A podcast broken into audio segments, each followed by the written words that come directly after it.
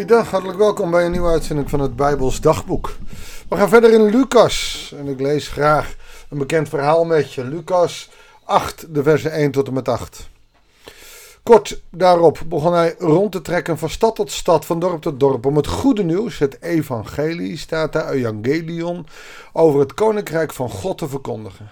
En de twaalf vergezelden hem. Ook enkele vrouwen die van kwade geesten en ziekten werden genezen. Maria van Magdala, bij wie zeven demonen waren uitgedreven. Johanna, de vrouw van Gusas en de rentmeester van Herodes. En Susanne. Uh, en nog een tal van andere vrouwen die uit eigen middelen voor hen zorgden. Nou, dat is allereerst al mooi, uit eigen middelen. Oftewel, ze hebben gewoon eten en drinken vanuit huis uit. En ze onderhouden daarmee de, uh, de meester en zijn twaalf discipelen. Je zou kunnen zeggen, tegenwoordig heb je uh, zendelingen die een thuisfrontteam hebben. Die voor hen zorgt. Nou, het is een thuisfrontteam. Een vrouwelijk thuisfrontteam voor Jezus en de discipelen. En toen zich een grote menigte verzameld had en uit alle steden mensen naar hem toegekomen waren, vertelde hij deze gelijkenis. Jezus vertelt in gelijkenissen. Dat kan om verschillende redenen zijn. Soms omdat ze de rechtstreekse boodschap niet aankunnen. Het is te knallend, te hard. Soms omdat ze het nu nog niet begrijpen, maar later zullen begrijpen. Maar ook om op een verzachtende manier heel scherp te kunnen zijn. En een gelijkenis van een zaaier, die wij nogal uh, zachtzinnig, zeg maar, hè, keuzegericht opstellen, kan ook nog wel eens veel scherper zijn dan we dachten. Want een zaaier ging uit om te zaaien. Tijdens het zaaien viel een deel van het zaad op de weg.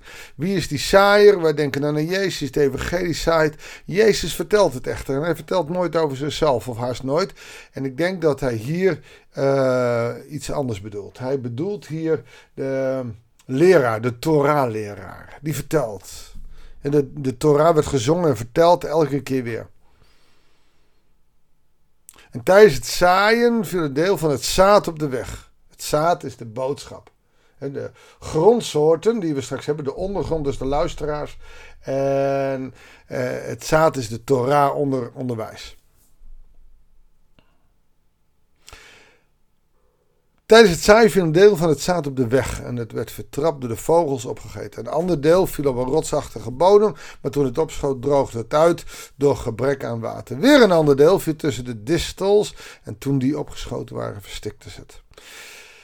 Waarom? Wat Jezus, wat wij niet zo vaak lezen, maar wat vanuit Joodse invloed wel naar ons toe komt, is dat dit niet zo is, het gebeurt wat er is, ja, dat gebeurt soms. Nee, Jezus geeft het ons omdat we een keuze hebben. Hoe wil jij zijn?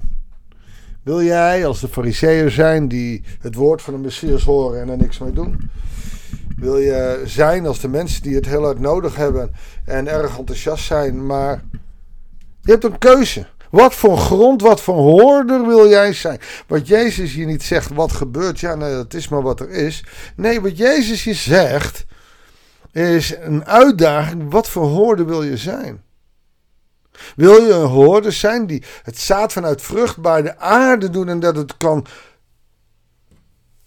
groeien en dat het vrucht kan dragen? Honderd uit. En je zou zeggen, heel veel.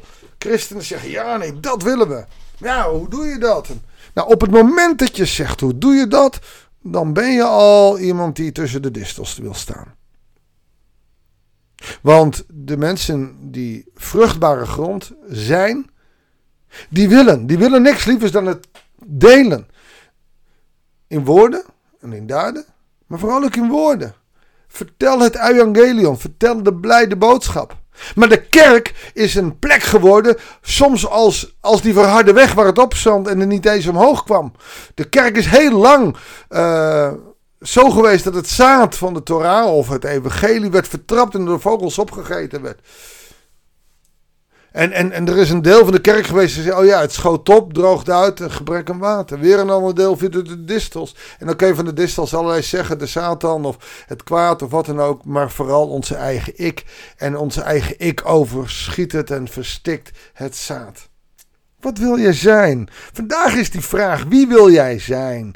Wie van de grondsoorten wil je zijn? Wil je zijn als vruchtbare aarde? Maar dat het ook bij jou honderdvoudig vrucht mag dragen? Meteen gaan we dan berekenen in onze agenda kijken. Ja, dat wil ik wel, maar ik heb er geen tijd voor. Het gaat niet om tijd. Het gaat erom wat je wil zijn. Want ook in de drukte van je werk, van school, van je bestaan, kan jij vruchtdrager zijn. Het gaat er niet om dat je op een sinaasappelkistje staat. Het gaat erom dat je in je dagelijks leven vrucht draait.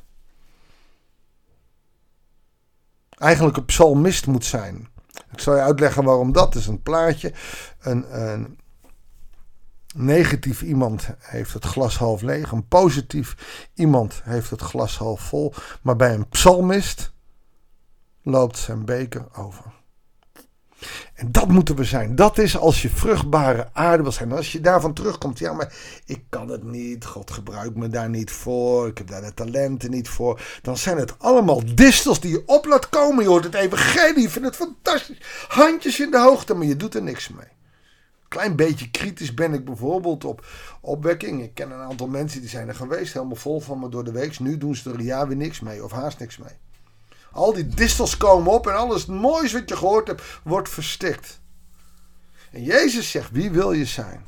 Want wie oren heeft om te horen, moet goed luisteren. Dat zegt hij er heel expliciet bij. Wat wil jij? Wie oren heeft, die hoort dat ik vind dat je vruchtbare aarde moet zijn. Weet je, wij lezen dit verhaal en hij strooit het uit. En, en er zijn altijd, nou kijk, naar, naar die mensen die verstikken het. Of kijk nou, die mensen, we kijken het altijd naar een ander. De vraag van Jezus vandaag is: wat wil jij zijn? Wie ben jij?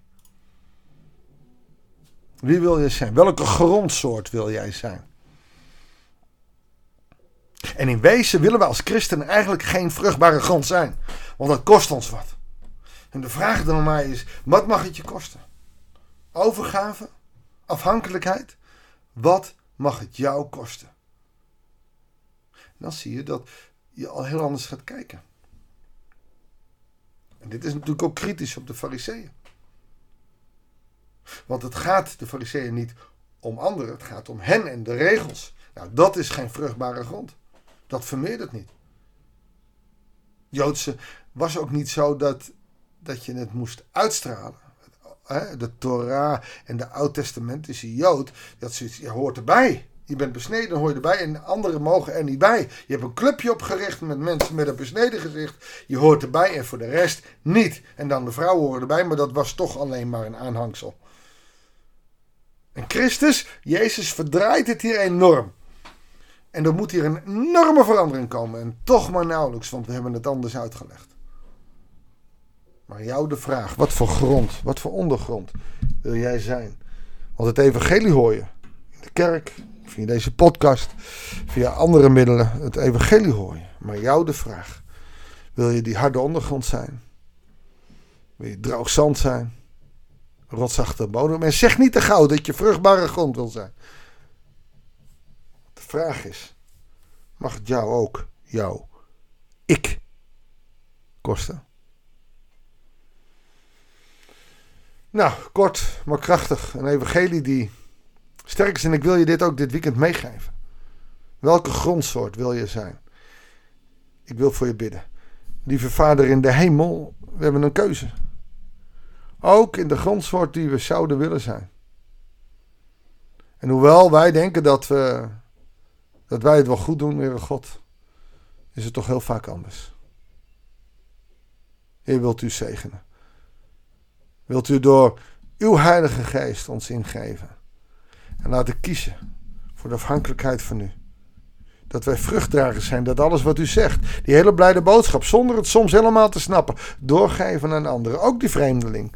Ook die mensen die niet geloven. Niet alleen maar in het clubje van de kerk. Of in het clubje van onze vrienden. Maar ook daarbuiten. Leer ons zo missionair werkers te zijn. Dat bidden we u in Jezus' naam. Amen. Ik vind het mooi om dit verhaal van een andere kant eens te zien. Ik weet niet wat het met jou doet. Ik hoop dat je er dit weekend eens over na wil denken. Ik wens je God zegen. En heel graag tot de volgende uitzending van het Bijbelsdagboek.